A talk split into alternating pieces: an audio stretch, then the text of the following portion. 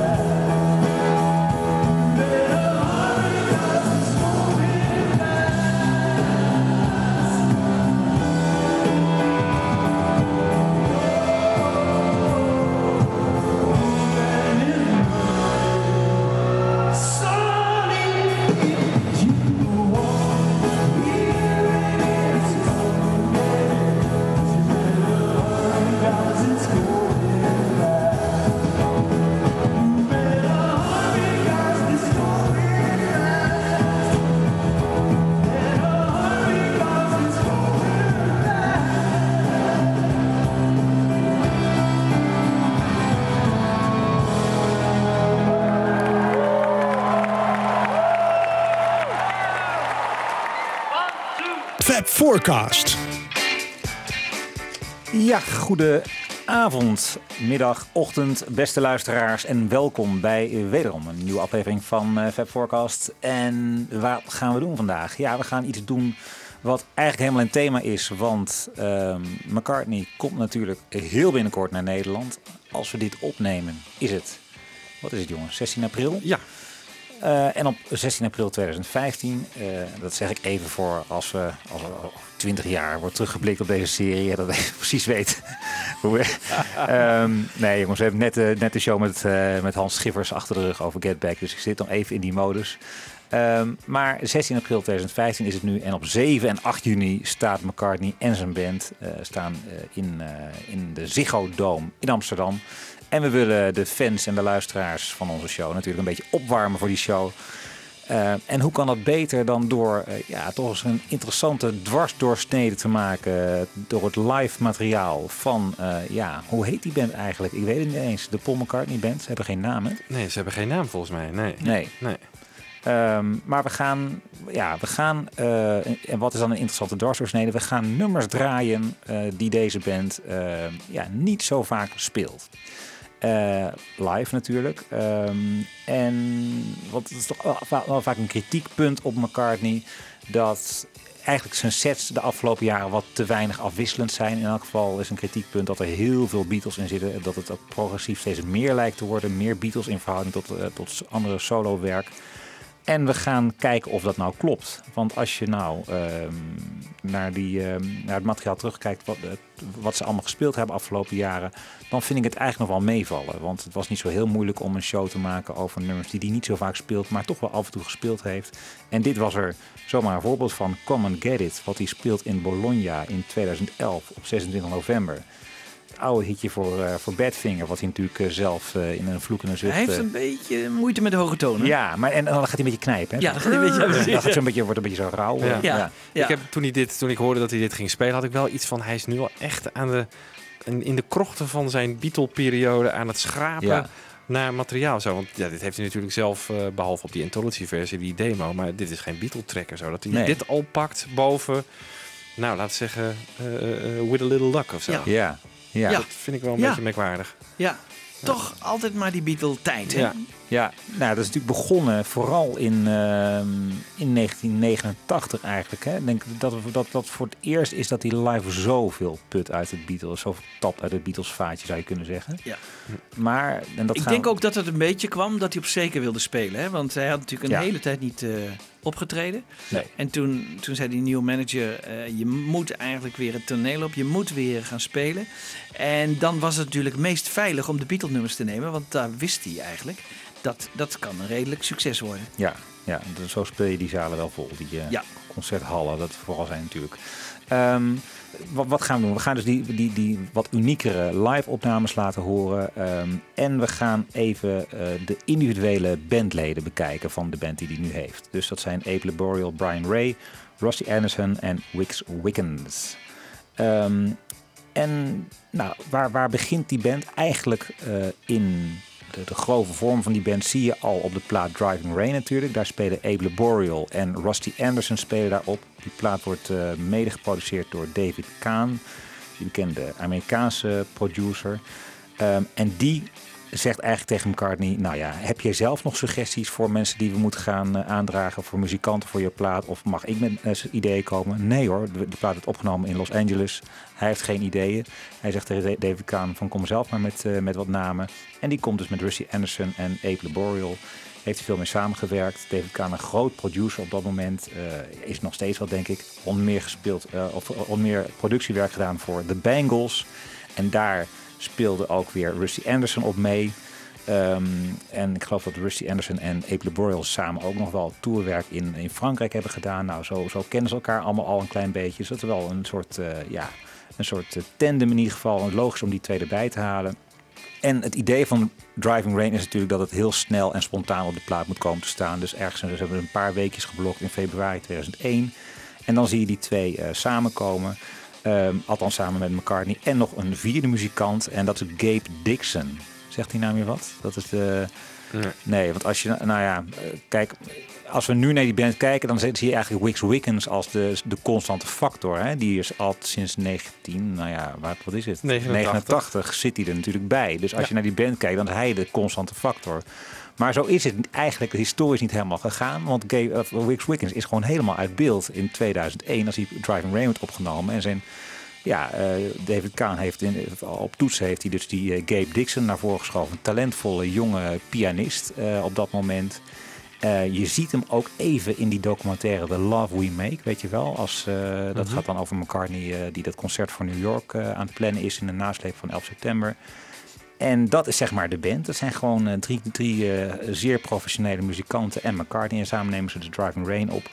Speelt Eh, Wix ook niet tijdens dat concert in New York? Nee, nee, Oké. nee dat is dus inderdaad die Gabe Dixon. Die, dat is zeg maar zijn claim to fame. Achteraf bezien dat hij met McCartney dat concert voor New York heeft gespeeld. Maar Wix Wickens is daarop niet te horen. Ja, Maar is die Gabe Dixon dus niet zo goed bevallen misschien? nou, eigenlijk wel. En daar zit dus een beetje, de, de- ja, hij is een beetje de, de Pete Best in dit verhaal, zou je kunnen zeggen. dus dat- nou, niet, niet helemaal vergelijkbaar, want Pete Best was gewoon een belabberde muzikant. En dit is een uitstekende muzikant, een hele goeie. Maar ook iemand die gewoon veel talent heeft. En een eigen band heeft, de Gabe Dixon Band. Eh, Ja, nu kennen we ze niet meer. Maar eh, zo'n beetje in de jaarwisseling van 2001 op 2002. Dan krijg je natuurlijk van die jaaroverzichtjes van wat zijn de up-and-coming artiesten van het moment. En in Rolling Stone wordt er dan inderdaad bijvoorbeeld veel geschreven over die Gabe Dixon Band. Dat is gewoon een jonge gast. Hij heeft net een plaat gemaakt. Die is lovend ontvangen overal. Ja, en dan komt McCartney zo'n beetje er langs fietsen. En McCartney zegt van ja, ik wil gaan toeren en ik moet een band hebben. En ik nodig jou uit, Gabe, om het eh, toetsenwerk te gaan verzorgen voor, eh, voor, voor tijdens die tournee. Ja, en dan komt Gabe een beetje met een soort innerlijke tweestrijd. Die denkt van ja, heel erg leuk dat je me uitnodigt. Maar ik heb ook mijn eigen artistieke aspiraties. Eh, en ik ga, ehm, ik ga dat niet doen. Ik ga dat eh, respectfully, staat overal wel op internet. eh, maar hij, die, hij, hij gaat dat niet doen. Hij zegt van ik, ik bedank voor de eer. Er zijn niet veel geweest waarschijnlijk Nee. die voor die heer hebben bedankt. Nee. nee en, en zo komt elkaar dus eigenlijk weer terug bij Wix Weekends. Als- Dus Weeks Wickens is tweede keus. ja, een beetje wel. Hé, hey, dat is een interessant verhaal. Ja. Ja, ja, ja. Nou ja, en het, het krijgt wel een beetje wat dramatisch dit verhaal. En zo kom ik een beetje toch bij de vergelijking met Pete Best. Ehm, want je wordt natuurlijk heel snel al de, de, de hemel in geprezen. En de, zeg maar, dat, dat je gewoon de grote opkomende man bent. En inderdaad, die eerste plaat is wel lovend ontvangen. Maar al een jaar later of twee jaar later zit, zit die Gabe Dixon band zonder platencontract.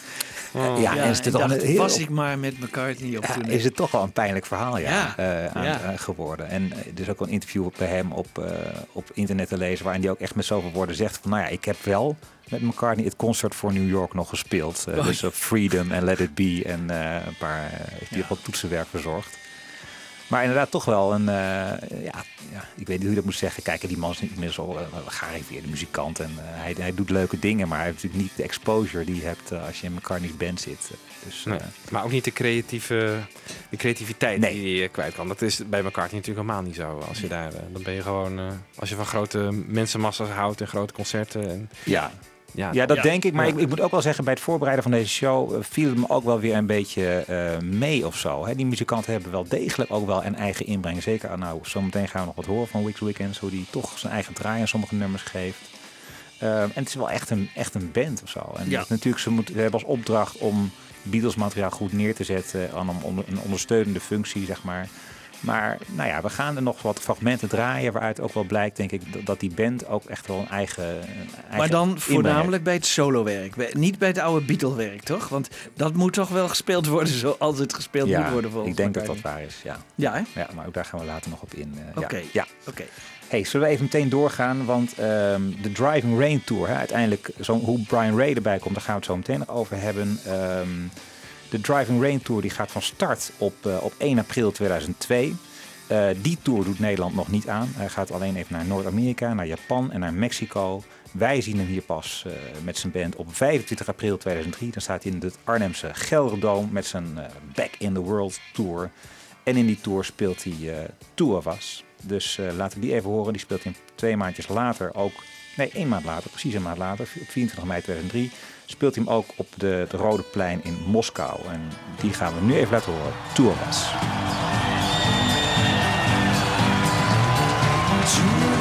We're going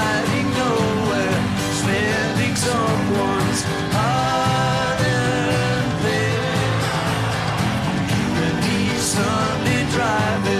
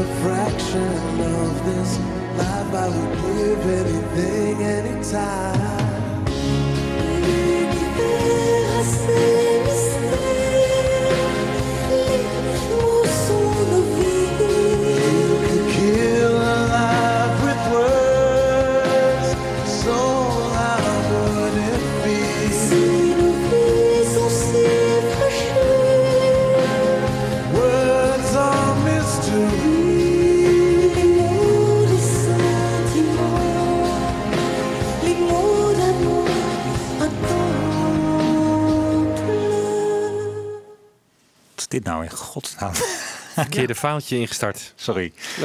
Weet jij wat het was, eh, Jan Kees? Nee. Nee. Ik ook niet. Nee. Nou, laten we zeggen het is. Nou, het is, eh, dat is wie zong hier. Dat was een duet tussen uh, Mylène Farmé, een bekende Franse eh, chansonnière, en, eh en Abe Laboriel Jr. Oh. Ja, hey, dit is interessant. hij heeft een hele mooie zangstem. Ja, nou, dat hebben we wel eens vaker gehoord hè, bij concerten Ja. bij Paul McCartney. Maar Hij zingt heel veel mee, hè? Dus eh, ja. Ja, veel tweede stem. En volgens mij ook wel als backup eh, dezelfde zanglijn als Paul. eh. Ja, ja. Eleanor Rigby heeft en was dit een gastoptreden op die eh, CD van haar? Of, eh, nou, nee, was dit dat- was volgens mij gewoon een... Kijk, hij toerde dus mee met die Mylène Farmé. En ook Johnny Halliday heeft wel veel mee getoerd Ja. in, eh, in Ja. Frankrijk. En ja, dit was gewoon een soort terugkerend eh, duet eh, op het podium met, met die Mylène Farmé. En dan kwam hij gewoon van achter zijn drumstel vandaan. En dan eh, ging hij de duet zingen. Nou, zoveel kans krijgt hij bij McCartney nooit eigenlijk. Nee, nee. Hier is eigenlijk meest opvallend vind ik altijd dat hij bij Dance Tonight zo'n zo'n dansact gaat opvoeren. Oh ja. Dat weet je, ja. Ja. ja. Ja. Maar goed, dat is eh, even Ja. een, eh, een andere kant van Ape, die we misschien niet zo goed kennen. Even over Ape, want eh, ja, die is er dus al heel vroeg bij. Hè. In februari 2001 als Driving Rain wordt opgenomen. Ehm, een bekende dus van die David Kahn, wat ik al zei. Ehm, nou, hij ken, heeft een heel beroemde vader, Abe Laboriel Senior. Ook een eh, volwaardige jazzmuzikant, een bassist. Eh, hij kiest juist voor eh, de andere kant van de ritmesectie, voor, voor het drumwerk. Dat spreekt hem kennelijk meer aan. Hij vond dat een di- ja, directer op een of andere manier. Eh, Hij heeft met heel veel grote namen gespeeld. Eric Clapton, dus die Franse artiesten. Ehm, nou ja, ik kende dus ook Rusty Anderson al. En komt dus al vroeger in beeld bij McCartney. En ook wel leuk, als je terugkijkt naar interviewtjes met al die bandleden... is dat ze allemaal ontzettend zenuwachtig zijn als ze voor de eerste keer met McCartney moeten gaan spelen natuurlijk. En tegelijkertijd, eh, hè, voor Abe was, kijk hij is een technisch zeer begaafde en ook echt eh, eh, technisch opgeleide drummer. Dus dus niet een autodidact zoals Ringo, hè, maar echt iemand die het echt de fijne kneepjes gewoon in, in de collegebank als het ware heeft geleerd. Ehm, ja, zei, op dat moment kan je natuurlijk zeggen van ja, je kan eh, je proberen zoveel mogelijk eh, ehm, ja, je technische kwaliteiten te laten zien bij McCartney. Maar hij dacht meteen al van, hij maakte de keuze van nee, het gaat om dat ik het nummer, ten dienste van het nummer sta. Ik moet niet mijn kwaliteiten zozeer uitdragen als wel eh, gewoon eh, ja, eh, ja, in, in dienst van het nummer gewoon een, een, een goede drumpar, drumpartij neerleggen. En dat bevalt McCartney kennelijk ook heel goed, want eh, die twee zijn eh, in ieder geval onafscheidelijk sindsdien. Maar eerst even, laten we even eh Ape LeBron aan het woord over die eerste ontmoeting eh, met McCartney en hoe dat die eerste keer ging. Of course, I didn't sleep for about a week before. It was the first time I, I was going to meet him uh, to record, actually, a record. In it was for Driving Rain, uh, the starting of those sessions, and um, I can remember the anticipation and the nervous energy, which I never get nervous, but there is definitely nervous energy for that because you know he he means so much uh, to not only me but to everyone. So within five minutes of shaking his hand and and and disarming all of that, which only he can do, um, we were uh, recording a song. I'm trying to remember which song it was, but yeah, it was beautiful. I forget what it was, but he was playing his Hoffner and singing, and we were all in the room together. Uh, me, myself, Rusty, and Gabe Dixon, and you know we're recording his, uh, you know, the, one of the first songs for the record, and I'll never forget that that intensity and and again his kindness and his willingness to have our ideas and our input and and it just instantly felt natural. Nou, dat klikt goed. Eh, Een hele, meteen eh, een soort gevoel van thuiskomen kennelijk voor Ape. Ehm, even over zijn drums, drumkwaliteiten, Wibo, als, eh, als collega drummer. Hoe zou je zijn drumstijl typeren? Poeh. ja, eh, hij weet er flink op los eh, te rammen altijd. Veel harder dan de drummers die eh, Paul op die vorige tours had. Ik vind hem niet heel wat. Joe English vond ik hem wat een drummer met wat finesse of zo. En Ja. dit is echt een gewoon een Powerhouse, ja, hè? powerhouse Ja. inderdaad. Eh, weinig details of zo. Volgens mij is het echt iemand die gewoon flink van, van rammen houdt en Ja. niet heel subtiel iets eh, op een backendje doet of zo. Nee. Eh, maar hij is wel heel goed live. Ja. ja. er, wordt, er wordt wel gezegd dat hij een drukke drummer is. Eh, Ja. En soms Veel fills en zo. Ja, veel fills, ja, ja. Het is een beetje, ja, een beetje twee kanten ook. Als je naar voren gaat kijken, er zijn echt mensen die helemaal met hem weglopen. Ook echt mensen die denken van nou, het is te veel, eh, te aanwezig. Ik denk dat het gewoon echt per nummer verschilt. Ehm, ik denk als je bijvoorbeeld naar Back in the USSR luistert, dat is misschien niet de meest goede vergelijking met Ringo, omdat hij natuurlijk niet op een nummer speelt, maar ehm, niet, ja, daar heeft hij net heel veel fills, heel veel drukte eh, zit erin. En nou, dan kan je afvragen van, is dat past nou helemaal bij dat nummer? Maar op andere momenten, ehm, nou ja, Maybe Mace is in ieder geval zijn persoonlijke favoriet, eh, zegt Ape altijd.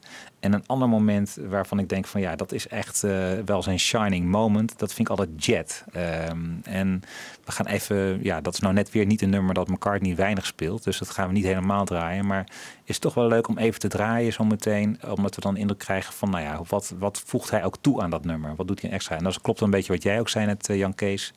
Als om Beatles materiaal gaat, is hij vrij inderdaad in dienst van het nummer. Maar gaat het meer om solo werken en, en de echte rockers die eh, McCartney uit, uit zijn solo carrière, dan durft hij gewoon iets meer los te gaan, lijkt het wel. Ja. En dat hoor je op Jet ook heel duidelijk. Laat het even horen, even een minuutje. De intro.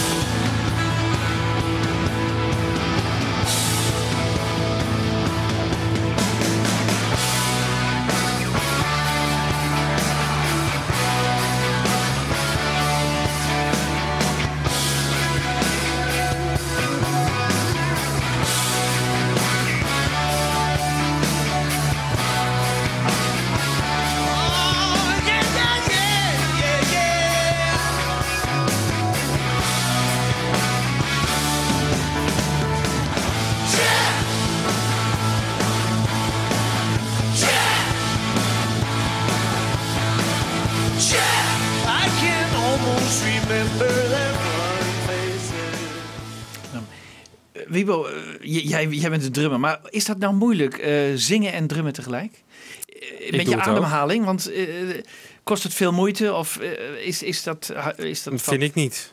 Nee, Nee, nee, nee, ik vind het op, op een of andere manier wel, wel, wel naturel of zo. Omdat je gewoon veel meer in het ritme zit. Je zingt ritmischer, Ja, ja. vind ik. Ja, dit, Ja. het kost je ook geen moeite. Ik bedoel, Nee. om, om... Nee, sommige mensen eh, hebben dat misschien anders of zo. Maar ja, bij mij gaat dat tegelijkertijd gaat dat prima. Ja, ja. Ja, ik vind Ja. dat niet zo moeilijk. Nee. Maar nee, Ringo heeft het ook wel gedaan, hè? Met eh, Boys en dat soort dingen. Ja. En, Ja. eh, Beatles-tijd. En, eh, Ik denk niet dat het fundamenteel verschilt van bas, bassen en zingen, Nee, toch? Nee, dat is het- lastig ja, het is fysieker bezig, hè? Ja, dus ja.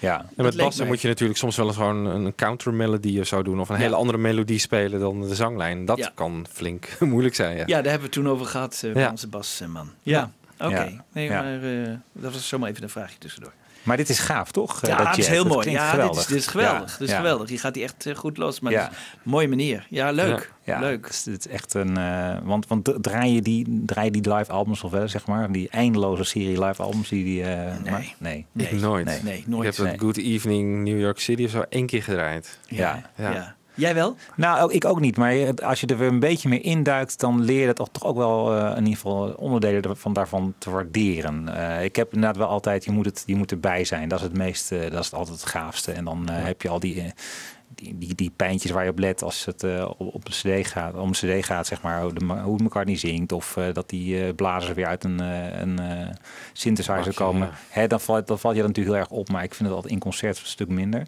Maar toch ben ik wel, ik heb wel echt respect gekregen voor deze band. Als je daar wat meer induikt. Ik denk van, god, ze doen het toch maar het allemaal neerzetten. En het klinkt zo vanzelfsprekend, hè, als een soort, ja, bijna gelikt en gewoon een geoliede machine. Dat is het natuurlijk ook wel inmiddels. Maar het zijn ook gewoon echt wel supergoede muzikanten. En eh, Ja. ze maken weinig foutjes. En ze durven volgens mij, als ik het nou vergelijk met de tour van 89, eh, 93 zeg maar. Ik vind deze band heeft wel iets meer eh, rafels. Iets meer, rokt wat meer dan Ja. dat collectief. Met. Macintosh en eh Hamish Stewart. Ja, maar dat, dat past ook wel een beetje bij de tijd, denk ik. Hè? De, de muziek van nu, vanaf dat deze band begon, was ook wel wat, wat ruiger, heb ik het idee. Gewoon wat meer rock. De, Ja. McCartney kwam natuurlijk eind jaren tachtig. Dat was nog een hele clean, gelikte eh, periode Precies. in de popmuziek ook Ja. zo. En daar, ja, daar was in de band deur, hè? gedienstig aan. Ja. Ja, ja, klopt. Dus dat past er misschien ook wel meer bij. Aan de andere Ja. kant zat natuurlijk in die show zat ook wel die end. En eh daar zat er Dat was ook heel goed. En Robbie McIntosh vond ik een hele Ja. goede gitarist. Jij is heel goed. Ja. Ja. En Hamish Stewart, een prima eh, zanger Ja. ook. Ja. Als, eh, Ik denk dat McCartney inderdaad het rock-element nog wat meer heeft opgezocht. Zo in zijn Ja. recente tours dan, eh, dan toen. In, Ja. eh, in, eh, absoluut. in 89. Ja. Nou, eh, we zeiden net van wat, wat doet Ape met het Beatles materiaal? Voegt hij daar veel aan toe of niet? Je kan je niet voorstellen dat hij Day in the Life, dat hij daar opeens een heel andere drumfills gaat doen. Eh, dat doet hij dan ook niet. Hij blijft heel erg, heel erg getrouw aan, ehm, aan wat Ringo heeft gedaan. En daar wil ik even niet van een voorbeeld laten horen. We gaan eh, Please Please Me draaien. En dat komt van de DVD The Space Within Us. Of Within US. Eh, het is in ieder geval een duidelijke woordspeling. Dat, is een, eh, dat vind ik toch ook wel echt een supermooie DVD. Als je daar fragmenten van terugkrijgt. Ontzettend mooi opgenomen. Het is de najaarstour in Amerika in 2005. McCartney is ook geweldig goed bij stem. En speelt daar voor het eerst, ehm, eigenlijk ook, ja, althans niet voor het eerst, maar hij doorbreekt een beetje een taboe, een taboe doordat hij eh Lennon-materiaal, ehm, echt Lennon-materiaal, eh, zich gaat toe-eigenen. Dus al in een eerdere tour heeft hij natuurlijk wel Strawberry Fields Forever gedaan, maar dat was echt nadrukkelijk ook als een tribute aan John. Give Ja. Peace a Chance. Zo, dat, dat, dat zat er ja, wel in, ja, ja. Ja. ja. maar nu gaat hij opeens Please Please Me gewoon zon. Hè, hij speelt het gewoon alsof het, het- alsof het van hem is. Het is natuurlijk ook van hem, maar het is, eh, ja, wij weten, het is van John. Hè. Het is eh, zijn nummer. En dat is opeens geen belemmering meer. En dat gaat hij dus vanaf die tour voor het eerst doen. En dat horen we op Please Please Me. Ehm, tegelijkertijd een mooi voorbeeld dus van hoe, ehm, hoe Ape ja, toch trouw blijft aan de drumpartij van Ringo. En we gaan meteen even door met Letting Go. Dus we draaien eerst Please Please Me en daarna Letting Go. Ook weer een nummertje dat hij niet vaak speelt, maar dan natuurlijk van Wings.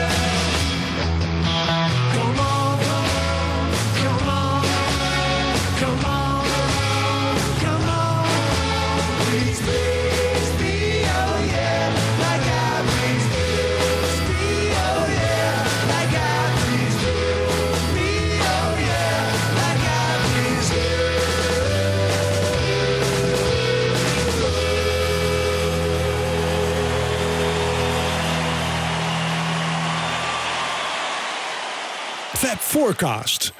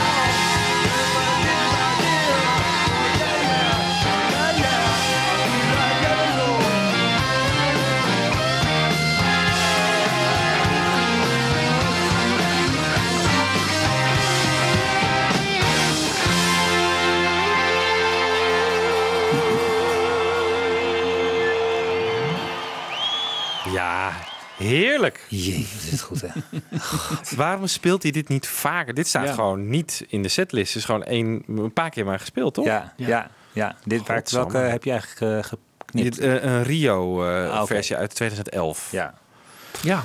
Ja, heerlijk. ja, geweldig. Toch mis ik wel die, eh, die vette bas uit eh, Wings Over America. Oh ja. Af en toe doet hij doem, zo'n zo'n Ja. glijdende Ja. bas.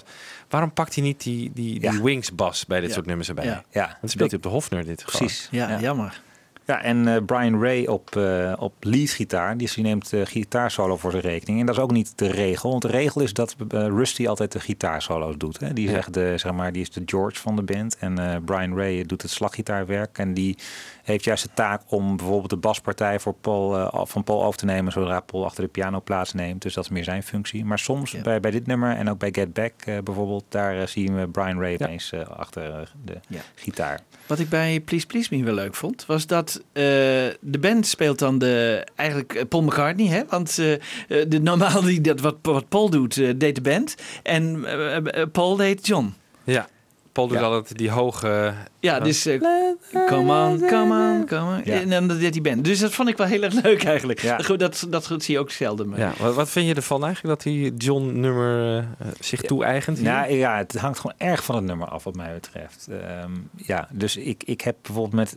Ja, misschien mag ik dat hier niet zeggen, maar A Day in the Life heb ik helemaal niets mee. Als hij dat eh, met Nee. deze tour, als hij dat live gaat doen. Ik denk dat vind ik zo. eh, ja, Oh, dat is gewoon zo Ook dat middenstuk, Ja, ook. Ja. wat hij normaal zei. Ja, daar krijg je dus normaal kippenvel van, inderdaad. Dat heb je goed onthouden. Maar dat, eh, nee, ik, eh, als hij dat hier en dan die overgang naar Give Peace a Chance. Eh dat orkest dat dan uit, uit zo'n zo'n blikken eh, orgeltje komt. Nee, ik heb er niks mee. Ik hoorde laatst weer zo'n, eh, ook in voorbereiding tot deze show, eh, zo'n opname weer eh, van, van de toeters die Wixen in zijn, in zijn bakje heeft. Ja. Volgens mij heeft hij geen update gedraaid sinds 1989, want het klinkt nog steeds echt belabberd. Ja, hè? En volgens mij zijn er veel betere eh, plugins eh, te krijgen van, van, eh, Ja, van blazers tegenwoordig. Maar ja. ik weet, het, het klinkt gewoon nergens naar. nee. Ik vind het zo, zo jammer. Toch Ja. had die Gabe Dixon, maar... eh, Ik denk dat Gabe betere spullen had. Ja. Ja.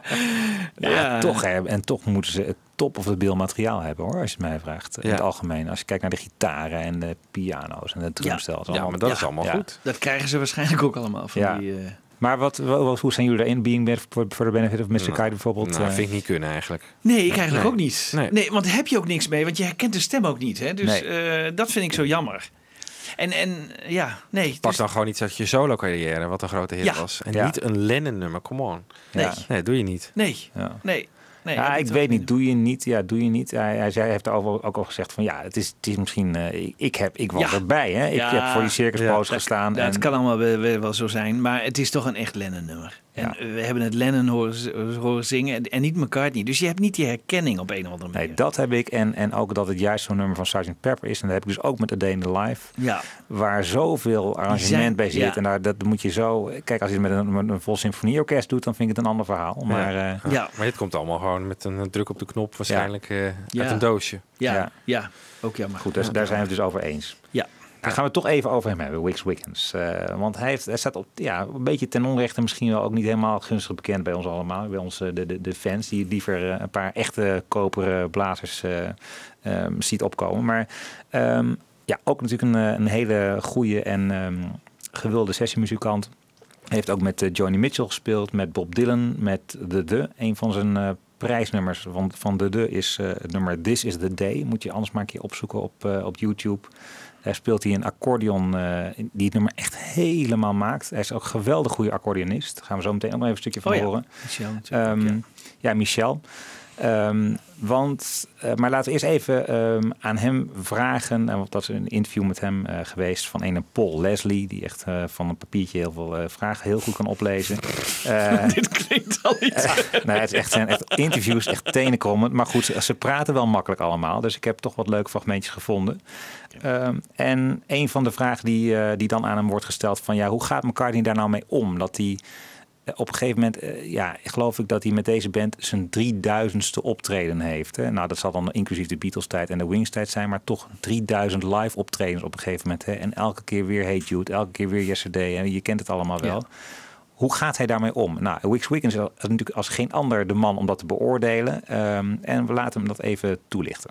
when he's playing live, he he'll have done those songs hundreds and hundreds of times, but he inhabits the song as a new song each time. And one of the great things you get when you go to see him play, and one of the most inspiring things that I get, having played with him for 20 years this year, is that it's still fresh and exciting. And he is giving, he sometimes sings things, even now, that I've never heard him sing on a song. He'll push himself And he'll just be testing himself out, sing it in a slightly new way, the same old song. And that to me is refreshing and inspiring. And, and you get that with the great artists. They don't just churn it out. They're living it each time they do it. Ja, dan hoort Ja. hij meer dan ik, denk ik. Maar Ja, inspirerend. Ja, nee, ja, hij kan hem natuurlijk ook moeilijk eh, hè, bekritiseren in Ja. zo'n interview. Ja. Maar ja, Nou, maar Paul is toch een machine dan op zo'n podium, vind ik eigenlijk hoor. Hij kan zich wel inleven, denk ik, in het moment steeds weer. Maar ook die praatjes die hij van tevoren doet, zijn allemaal ingestudeerd. En eh, de, Ja. precies de zanglijnen en dezelfde ja, toonhoogte. altijd, Het is altijd, altijd, hetzelfde. altijd alles hetzelfde. Dus waar die uitdaging dan zit, waar hij het over heeft, dat snap ik niet. Nee. hoor. Nee, Nee. dat was ook mijn vraag aan jullie, want het was mij ook niet zo opgevallen. Dat heb je antwoord, ja. ja. Hij praat gewoon een beetje de- zijn, eh, zijn meester na- eh, Ja. naar de mond eigenlijk. Dat denk ik ook. Ja. Ja. Dat denk ik ook. Ehm, nou, toch, eh, er is een moment, als, als is een keer voor het eerst, bijvoorbeeld in 1989 gaan ze voor het eerst de Abbey Road medley op, eh, op het podium zetten. En dat is toch ook wel aardig, want eh Wix is niet alleen maar toetsenist, maar ook zeg maar de musical director. Dus degene die zeg maar de regie neemt en misschien ook de band aanstuurt. En ze repeteren ook veel zonder McCartney. Dat geldt trouwens ook voor de huidige band.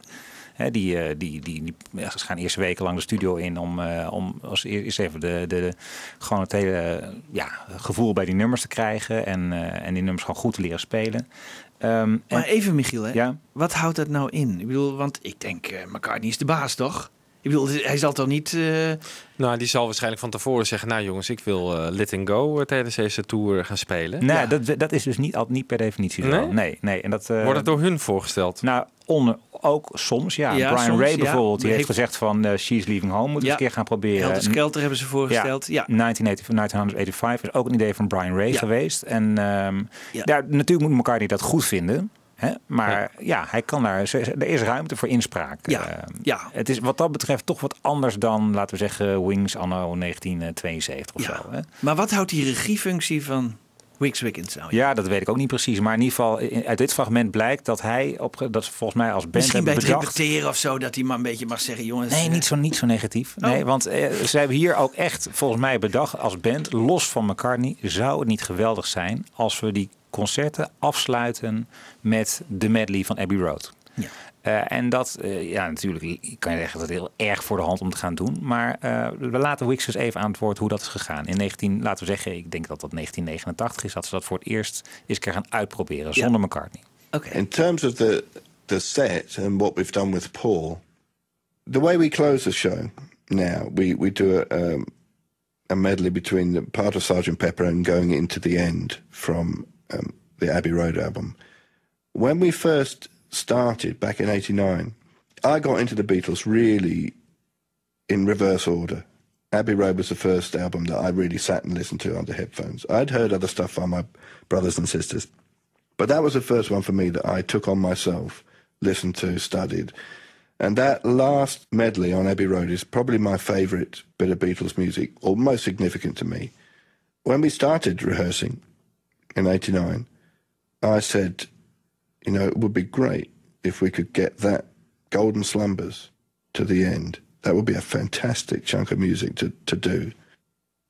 We rehearsed it up with the band without Paul and Linda so that we knew it. And we had a run through with Paul. We struggled our way through it because there's, you know, lots of chops and changes and, and um, we got through it and it was pretty ropey, but we got to the end and unbeknownst to us, Paul's, the guy that looks after Paul's studios is somebody called Eddie Klein. And Eddie was from Abbey Road and uh, was at the original recordings of a lot of Beatles stuff. And he was just standing in the corner and it made him go misty eyed. He took him way back there, however badly we played it. And I think that was a clinching factor for Paul. He saw how that had affected Eddie, and then we got it together and we learnt it properly, and and that became our our final encore on the on the first couple of tours. That whole section, that 15 minutes of music, and that I think to me is probably my favourite thing. And we do part of that now, and uh, it took a bit of getting together because I have to play the bass with my left hand at the end because the three of them are playing guitars and we're swapping, and it's quite orchestral, and it's so you know it took a bit of juggling to actually make it work. But it's such a significant piece of music for me personally to have played it live and to have sort of been instrumental in actually getting it happening. It, means a lot to me when we do that. I don't see another way we can really end the show. We've tried to end it in different ways, but that's chronologically the final bit of music that the Beatles recorded. And that statement at the end just about says it all. And I think it's it's got to be one of the best endings to a show you can have. Ja, ik krijg toch het idee dat zij dit een beetje bedacht hebben. Ze hebben gedacht van nou zou het niet aardig zijn om dat Ja. zo eens te proberen. Ja, Ja. dat, dat, dat, Ja, dat is waar. ook wat hij zegt.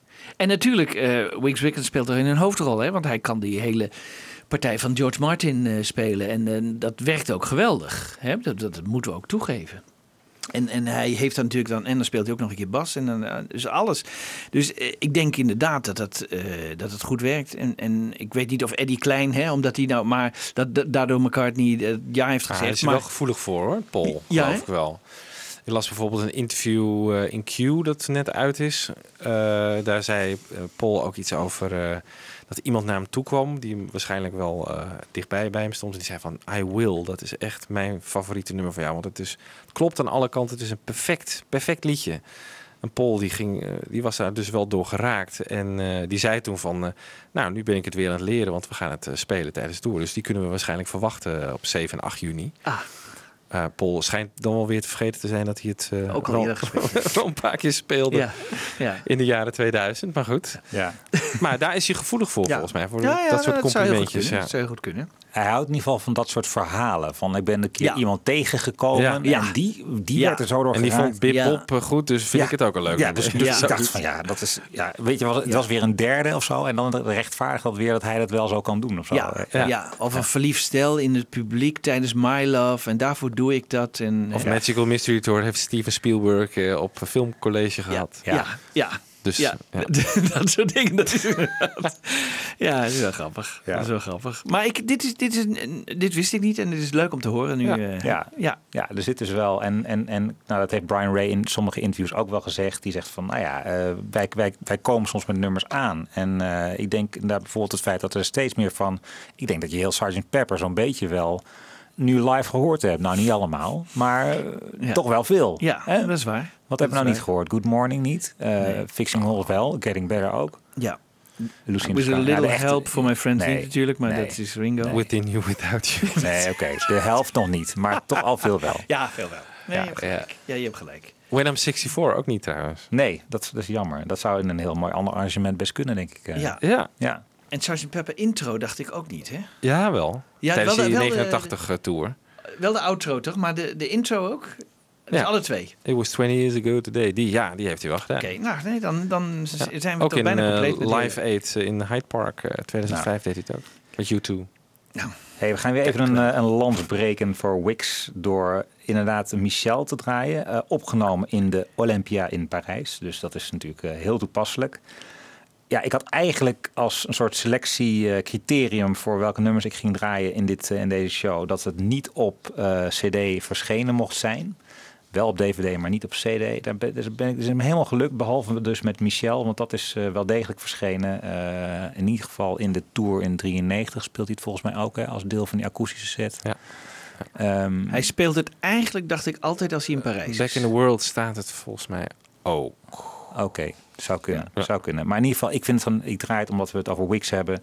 En ik vind dit toch wel echt een van zijn, eh, zijn mooiste momenten. Dat hij die accordeon pakt. En eh, de- hij is gewoon ontzettend goed op de accordeon. En dat past. Ik vind het zo'n mooie toevoeging eigenlijk aan Ja, want dat is nieuw hebben. eigenlijk. Hè? Ja. Dat vind ik wel grappig. Precies. Want Ja. dat zal elkaar niet zo vaak doen. En Nee. eh, hè, dit- dat, een heel nieuw aspect, een accordeon. Op een Beatle-nummer ook nog. Ja. Ja. Ja, Zou dit een voorstel van Wix zijn geweest?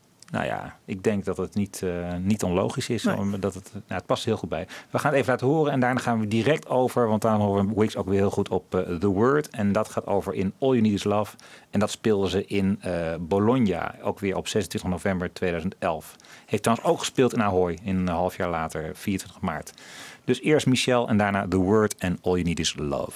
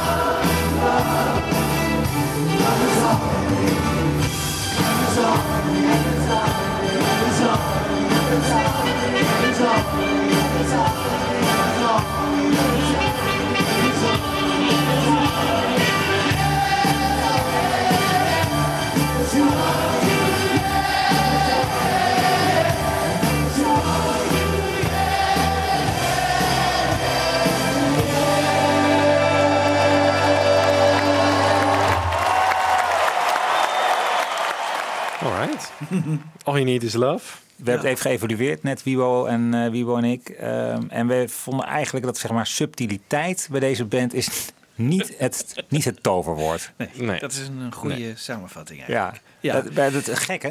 Nou, het is, bij Michel vind ik het bijvoorbeeld wel. Maar hoe, hoe komt dat? Wat is het dan? Eh, hoe kan het, de word, het klinkt zo plomp en zo bombastisch. En Ja.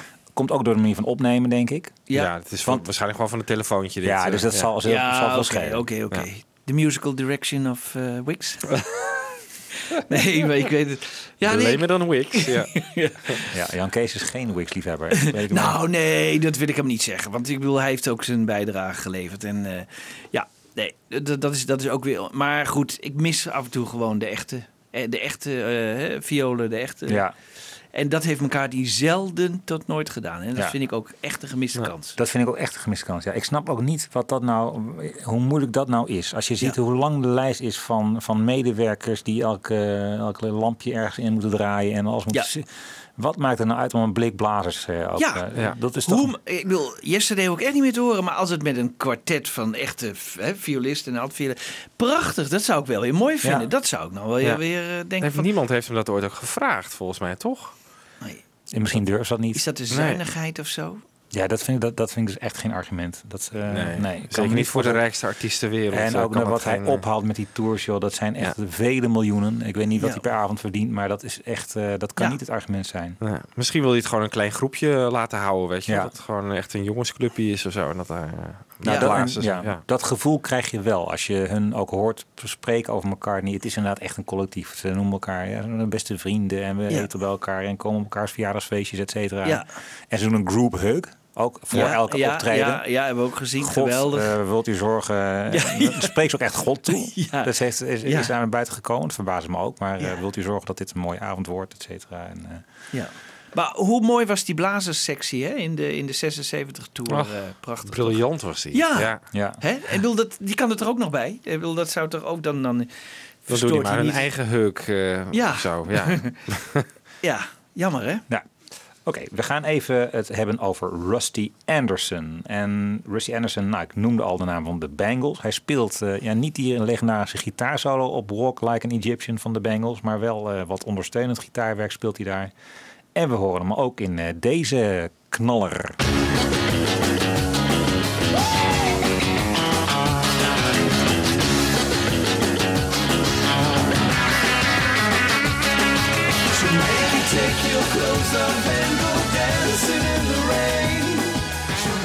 Ja, lekker gitaartje. Lekker, hè? Ja. Living La Vida Loca van eh, Ricky Martin. Ja. Dat wist jij natuurlijk. Nee, maar hij, hij mag dus hij mag nooit iets zelf spelen. Hè? Dat wa- was in de vorige band. Mocht, mochten ze nog wel eens. Hè? Robbie's Bit bijvoorbeeld. Hè? Mocht Ja, hij nog even eh, een eigen uh, reeltje spelen. Maar ik heb deze band nog nooit iets eigens eh, horen spelen. Nou ja, dat weet je toch niet. Ik bedoel, de, de gitaarsolo in Letting Go die we net horen. Is dat helemaal hoe het op bij Wings wel ging? Eh, Volgens mij niet. Ik bedoel, daar gaan ze gewoon... eh, Nou, wat Jan Kees bedoelt is denk ik even een solo spot of zo. Ja, op het podium. uit het verleden of eh, uit het, Nee, wat ze zelf hebben Oh, gecomponeerd ik. of Ja. zoiets. Ja, ja. Hij had Hè? inderdaad nog zo'n Robbie's Bit. En ook Ja. bij Things We Said Today volgens mij nog. Ja, Jenny Ja. Lane die Ja. mocht vroeger wel eens Go Now spelen of zo. Weet je wel, dat soort dingen. Maar dat, dat, dat zie je bij deze band helemaal niet. Het is niet zo dat ze terug mogen. Nee, maar als ik heel eerlijk ben, als ik zeg maar mag kiezen tussen wat meer solowerk van McCartney of eh Abe Boreal die daar een, eh, iets uit zijn Franse verleden gaat, eh, naar voren, dan weet ik Ja. het wel. Daar zit ik echt Ja. niet op te wachten. Nee, nee. Maar even dit, zo'n riedeltje hier. Maar dan heb ik dat wel liever dan dat hij weer Let It Be gaat spelen. Dan heb ik liever even dat Ape een, eh, een nummertje zingt. Eerlijk gezegd. Ja? Ja, Serieus? Dat ja je- want Ja. Let It Be heb ik, dat hoef ik echt Nee, niet te dat horen. hoef ik ook niet te horen. Oké. nee, dat Nee. hoef ik niet te horen. Jij hebt, kiest dan toch voor Let It Be. Nou ja, ik heb het, dat heb ik misschien iets meer met Hey Jude, omdat het ook zo godvergeten dan- lang duurt. Ja, oké. nee, maar dan zou ik het wel leuk vinden hoe McCartney weer reageert op zo'n nummer of zo. Weet je wel, hoe die meespeelt, dan weet ik wat. Nou, dat Ja. zou ik dan wel leuk vinden. Dan is het weer nieuws, dan is het Beetje iets spontaan. anders. Jij mist een beetje beetje spontaan. spontaan. Ja, Ja, Hij zou eigenlijk een all-star band moeten hebben. Net als Ringo. Ja. Oh. Hey, over spontaan gesproken, we gaan eh, even door met een, eh, een klein foutje. Wat eh, ehm, Rusty maakt in And I Love Her. Hij speelde het op een gegeven moment in St. Louis in Amerika, ergens in 2011. En nou ja, je kan, eh, je kan veel over eh Rusty zeggen, maar het is een hele goede gitarist. En ook, ik vind ook op de Space Within Us, zeg maar, horen we zo meteen. eh Till There Was You, gaan we meteen daarna draaien. Daar is hij zo virtuoos en hij speelt die solo van George eigenlijk prachtig na. Maar eerst even een moment waarop hij in de fout gaat. En dat is wel grappig. Even eerst het foutje. Daarna hoe McCartney daarop reageert. En dan krijgt ehm, Rusty eigenlijk zijn solo spot. Hij moet de solo voor straf voor het publiek even overspelen. dat is wel leuk. Dat is leuk.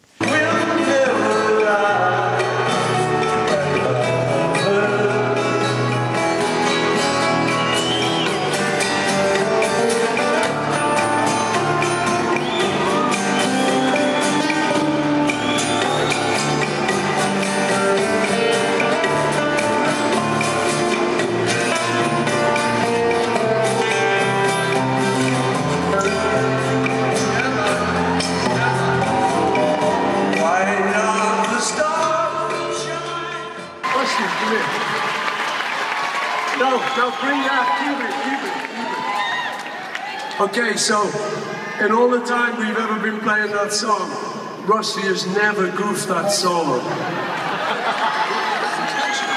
It was quite intentional, of course. No, it was a goof, Rusty. and just for you, we're going to do just the solo again. so he can redeem himself. Are you ready? One, There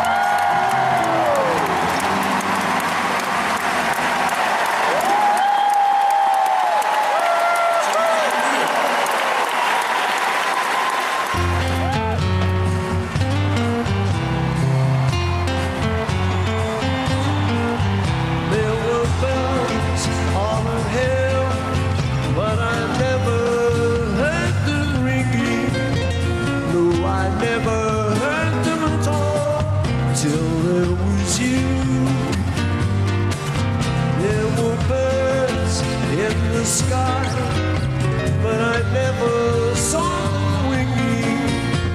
No, I never saw them at all till there was you. There was music and wonderful roses. They tell me in sweet, fragrant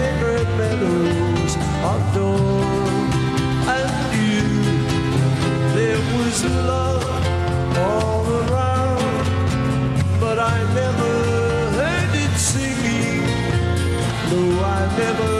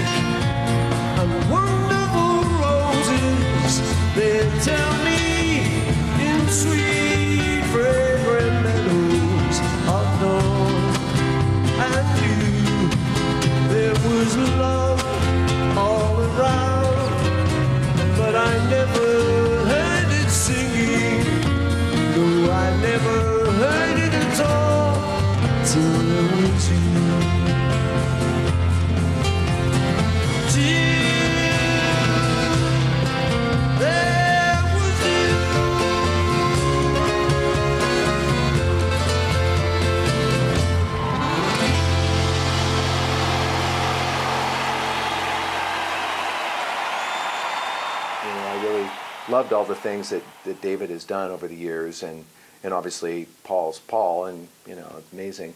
So uh, then he sort of says, "Well, you know, I think I might need some guitar playing." I'm like, "Great, count me in," you know. And then a couple months later, I didn't tell a lot of people because it's Hollywood, and I didn't want to jinx it and all that. Yeah.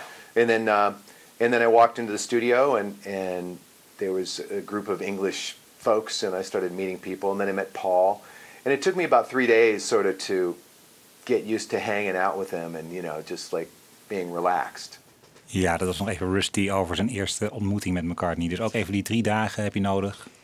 In het wijl. Ik denk zelf ook over drie dagen nodig zou hebben. Daarna zou ik wel... eh, ja. Maar wel heel mooi gitaarspel inderdaad in Till Oh. There Was You. Ja. Ja, ja. Maar dat was wel heel subtiel.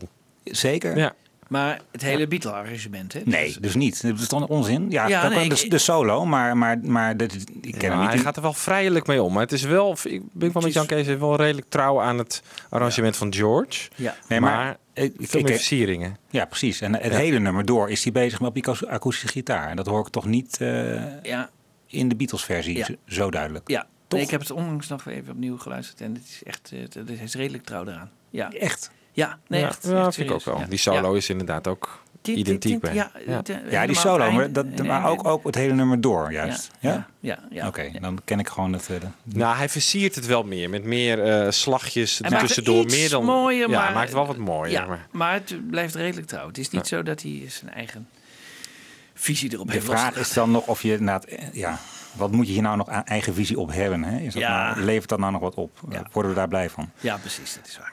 Ehm, dat was Rusty. En we gaan even het hebben over wat eh, een kleiner optreden van McCartney. Want dat doet hij dus af en toe ook. Hè? Dat hij echt voor eh, nou ja, een paar honderd man of soms echt... Oh ja. Dat vind ik ook bijvoorbeeld op Olympia. Dat is, nou ja, dat is een soort half carré volgens mij. Dan, Ja. Dat is niet Ja. heel groot hoor. Nee, nee, Nee. En Jij dus- bent er wel geweest. Ja, ik, ik ben er ook geweest. Ik Ben ook. geweest? Ja. Oh, nee, ik niet hoor. Maar... Ja, ja, Ja. oké. ja. Niet heel groot. Bij elkaar. Nee, nee, nee, was heel leuk. was echt... eh, Hij heeft ook één keer een, eh, echt een privé gig gegeven voor een miljoen dollar. Bij een of andere eh, steenrijke kerel. Die eh, dacht van nou, we gaan gewoon een, een deal maken. Ik ga 1 miljoen dollar overmaken aan de Adopt a Minefield. ehm, Van Heather. Ja, precies, van ja, Heather die, nog, ja. die tijd was het, Ja, zeg maar, het, voor ja. 2006. ja. Ehm, en heeft hij een miljoen, voor een miljoen dollar heeft hij daar een avond gestaan spelen op een, privéfeestje. ja, dat was wel geweldig natuurlijk. Hè. Ja.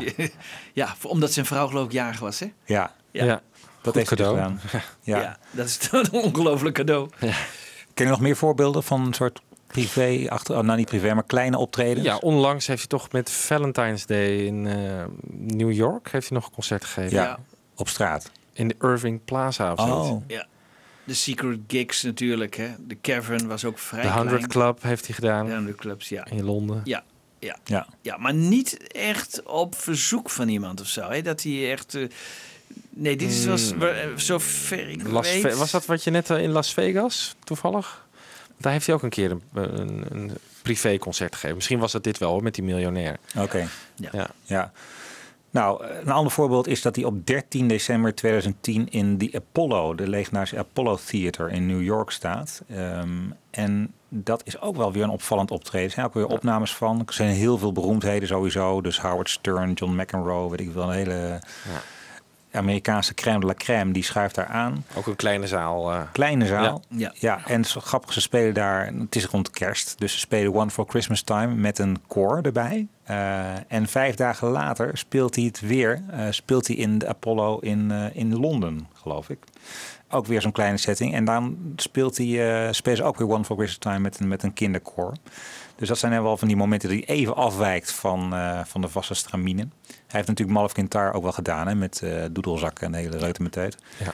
Ehm, maar dit vond ik toch wel weer een mooi voorbeeld eh, van een nummer dat hij niet vaak speelt. Eh, ik ken het zelfs geen voorbeeld van. One After 909, dus op 13 december 2010. En eh dat klinkt ook eh, behoorlijk lekker. Here it is.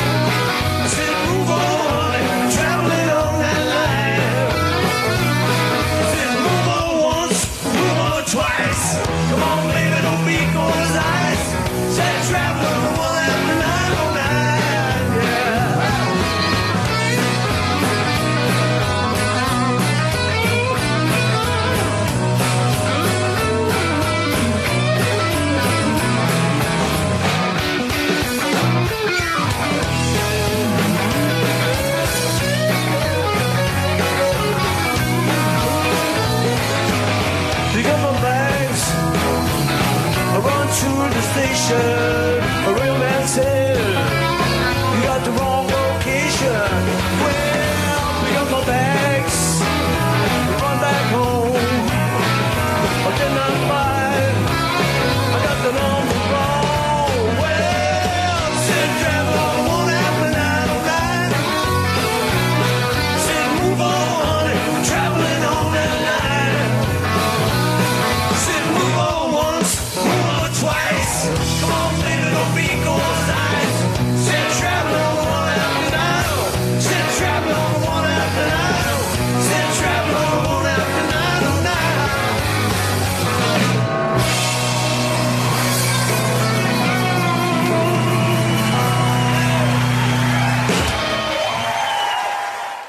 heerlijk hè? Goed hè? Ja. Ja.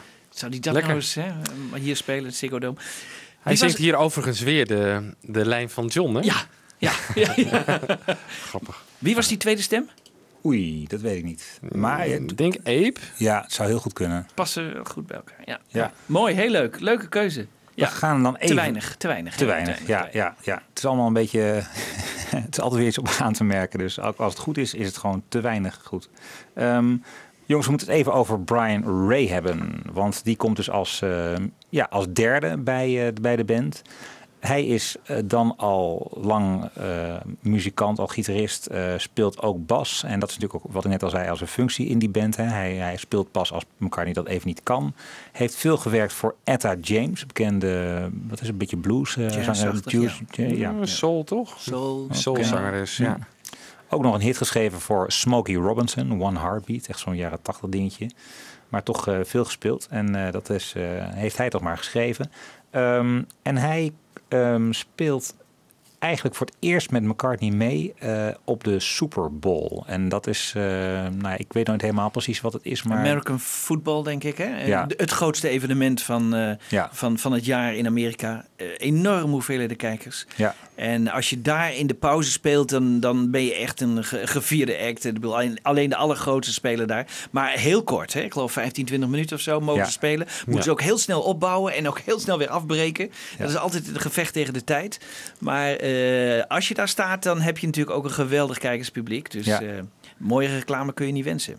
Nee, nou, McCartney die speelt daar eh, inderdaad wat nummertjes. Hij speelt, geloof ik, I'm Down en Let It Be. en hij speelt ook ehm, dus Freedom. Ja, volgens mij Get Back ook of zo. Ja, Ja, allemaal heel kort geloof ik. Het, Ja. het gaat Ja. echt een soort medley-achtig. Ja. Ja. maar Freedom dus ook. Freedom dus ook. En, daar, en, en dat is het moment dat Brian Ray eh, eigenlijk een soort eh, ja, zijn auditie moet doen. En daarover zegt Brian Ray ook van ja, dat was mijn auditie voor eh, een miljoenen publiek. Ja, Eh, hij moest de baspartij verzorgen in dat nummer. Wat ook een geweldige, complexe baspartij is. Laat hem eens even horen, Wiebo. This is my right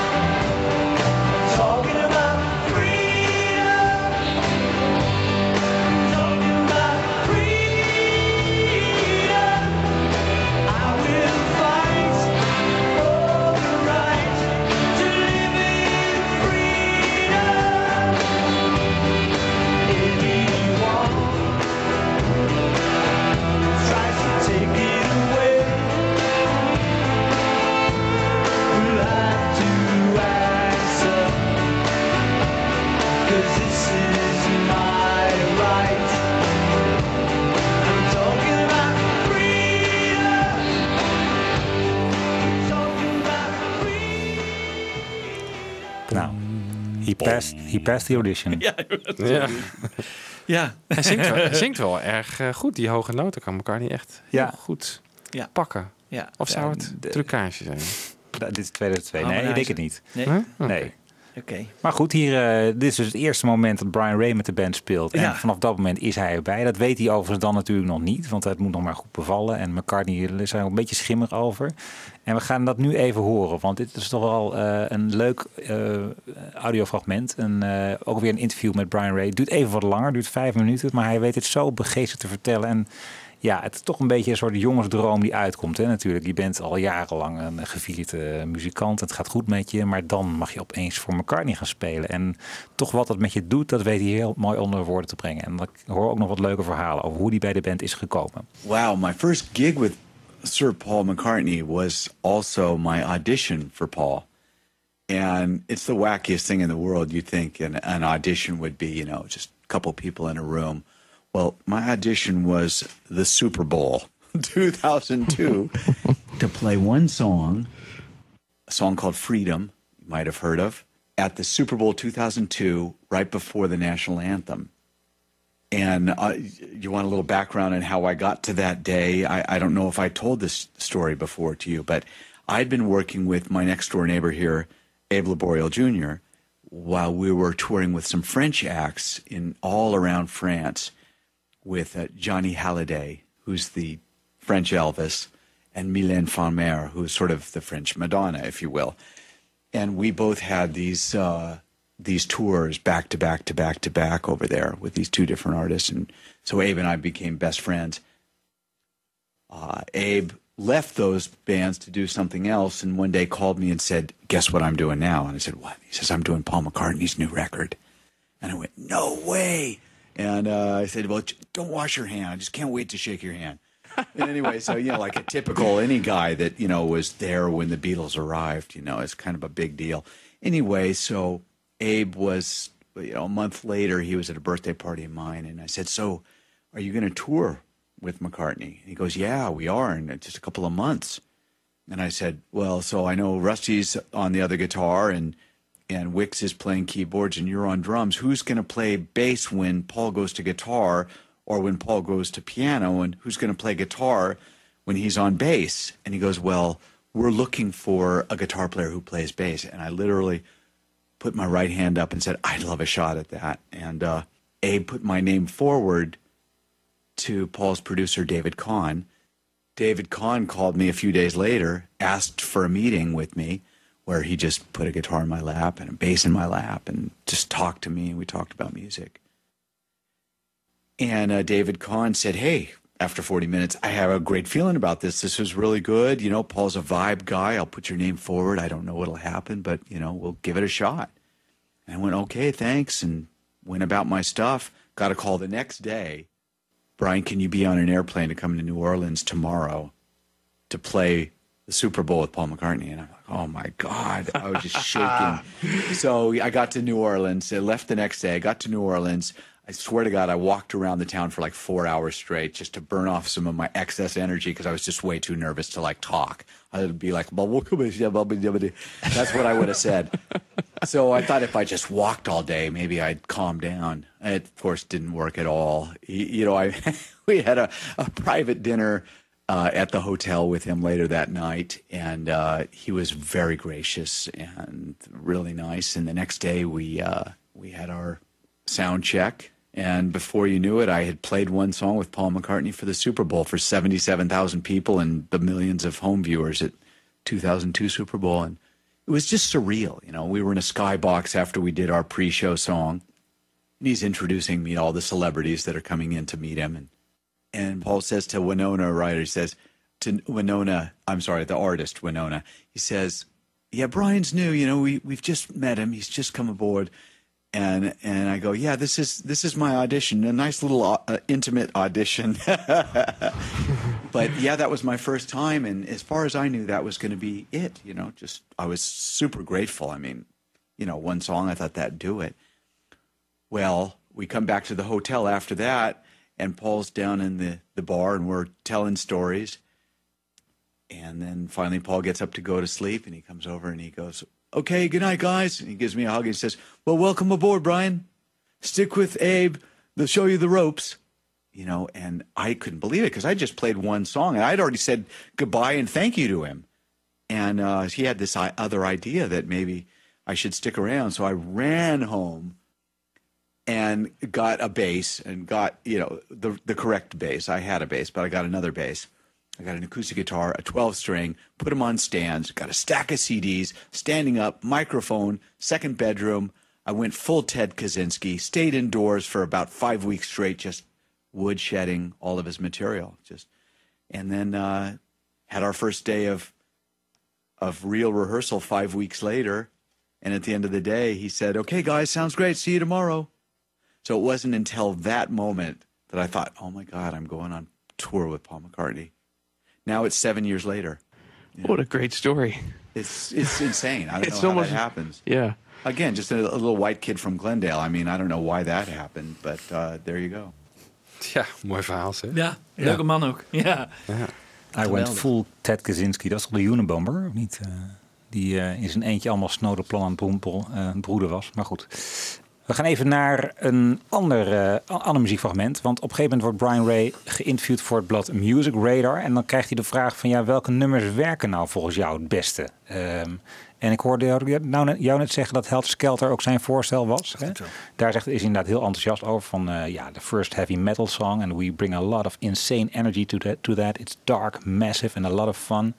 En er wordt hem ook gevraagd van ja, wat werkt nou niet zo goed? En dan zegt hij ja, Lovely Rita. Eh, dit zegt hij ergens, ik geloof in 2012, 2013.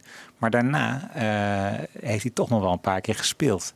Dus ehm, een beetje eigenaardig. Hij zegt, eh, Paul has never added it to the set. I just don't think he's comfortable with it for whatever reason. We, did, we didn't suck at it. I just don't think he feels it the way he wants to. Ja, want het zat wel in die tour van 2014 of zo. Ja, ik heb ja. een Japan waar ook met die eh, Mr. Kite eh, eh, Ja. in zat. Ja. Daar heeft het voor het eerst gespeeld volgens mij. Ja, dus Ja. daar speelt hij het wel degelijk nog een paar keer. Maar nou, misschien kunt het even draaien, Lovely Rita, en ons eigen oordeel vellen over of we nou vinden dat dit slaagt in deze live setting. This song was from uh, Sgt. Pepper's Lonely Hearts Club Band.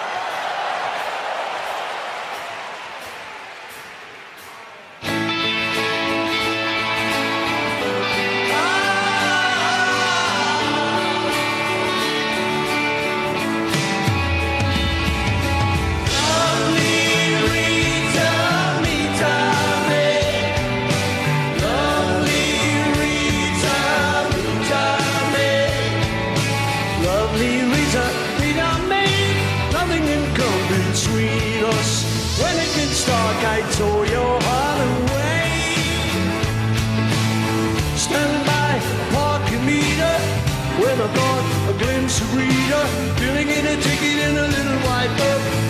In a cap, she looked much older. On the back, across the shoulder, made her look a little like a military man. Oh, Lovely Rita, Rita May, may I inquire discreetly whether you're free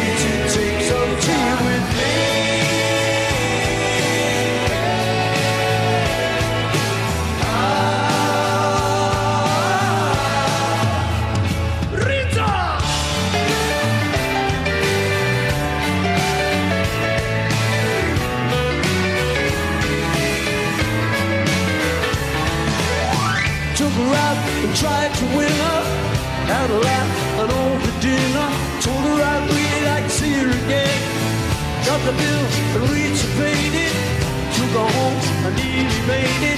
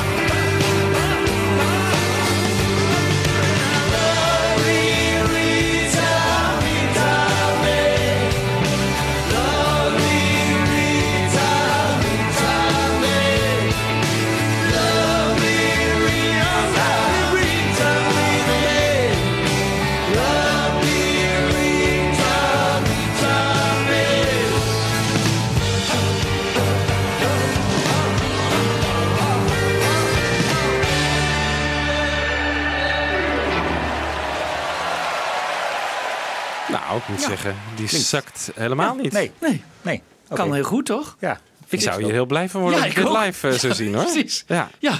Nee, eh, dit mogen ze van mij wel in, Amst- Ja. in Amsterdam spelen. Ja. Het is ook gewoon een lekker live nummer. Ja. Dat, Ja. En dat vind ik misschien ook weer met Being for the Benefit of Mr. Kite. Dat is ook- ik vind het gewoon niet een uitgesproken live nummer. Nee. Toch? Nee, nee, dat is Ja, waar. En is- dit, dit, is, dit kan heel goed. Ja, Wat zou er op tegen zijn geweest? eh? Ik, ik weet of zou een eerdere versie misschien gewoon gewoon anders... niet zo werken. Ja, misschien hebben ze het nog een keer aangepakt, Ja. zodat het toen wel werkte. Ja, Ja, dat kan heel goed natuurlijk. Hè? Het gevoel wat je wel krijgt is dat McCartney een beetje bij decreet handelt. Hè? Hij zegt dan dat nummer doen we niet en dan er is niemand via niet verder bevraagd. Of zo. Hij is gewoon, huppakee, de meester heeft gesproken. We zullen verder niet debatteren. Nee, nee, dat Ja. heb ik ook het idee. Ja, Ja. nee, de, de zijn... Om, om een of andere reden komt het niet meer op de lijstjes voor. Nee. Dus eh, ja, het eh, zou Ja. kunnen dat hij het gewoon vergeet of zo. Maar dat, eh, die ruimte, nou ja.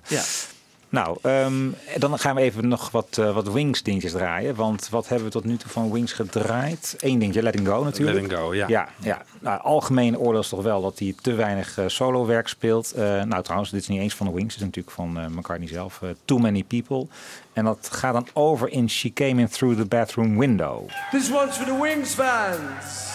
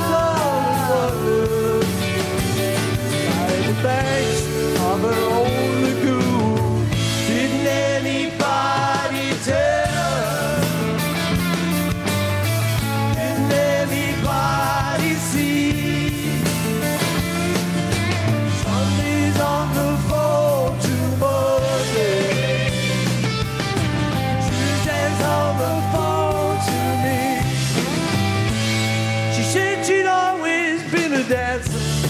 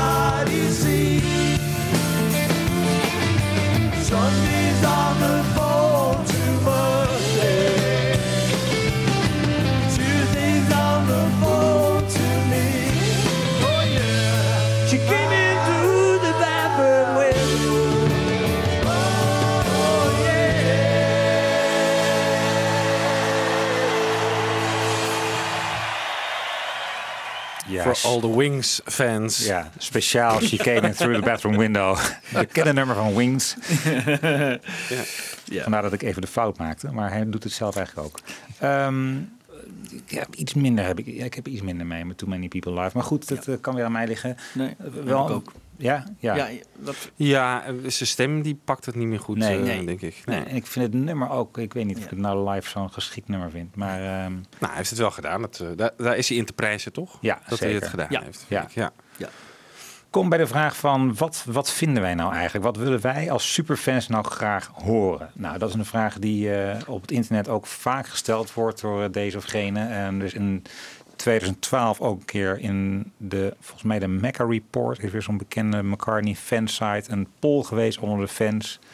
Ja, en de algemene teneur is toch wel minder Beatles, alsjeblieft, en veel meer solowerk. Ehm en er is weer een ander stuk eh, dat ik eh, van het internet plukte. En daar blijkt van de, ja, hoe de verhouding tussen het solowerk en de Beatles-nummers is nou sinds 89. En dan krijg je het volgende beeld. Als Tripping Live Fantastic speelt hij 37 nummers. En 16 daarvan zijn Beatles-nummers. Dus ongeveer 43% is Beatles. Paul is Live, een paar jaar later, is 24 nummers en dan 11 Beatles-covers, 46% Back in the World, 36 nummers, 22 Beatles, 61% Beatles. En Good Evening New York City, 33 eh, Beatles of nummers en 21 eh, Beatles nummers. Dus 64 En dan heeft deze auteur ook nog eens een keer een eh, recent concert in Seattle eh, zitten turven. En daar blijkt dat hij 39 nummers speelt, wat ik trouwens ontzettend veel vind. Maar goed, dat doet hij. En 27 daarvan zijn Beatles. Dus 27 van de 39, jongens. Ja, we gaan, Dat is 69 procent. ja, we gaan langzaam naar de 100% toe. Ja. ja, dit is echt Ja, dat is wel te veel, ja. Het is te- ja, het Ja. Is het, de balans slaat echt naar de andere kant door. Hè? Ja. Ik denk dat hij ook met een hoop, eh, dat zei ik ook met With a Little Luck bijvoorbeeld. Het is gewoon een nummer 1 niet geweest. Waarom speel je dat niet? Ja. Ja. Eh, iedereen kent dat, toch? Ja. Het is een nummer 1 niet Ja. geweest. Ja. Ja. Altijd maar dat Beatles inderdaad, ja. Ja.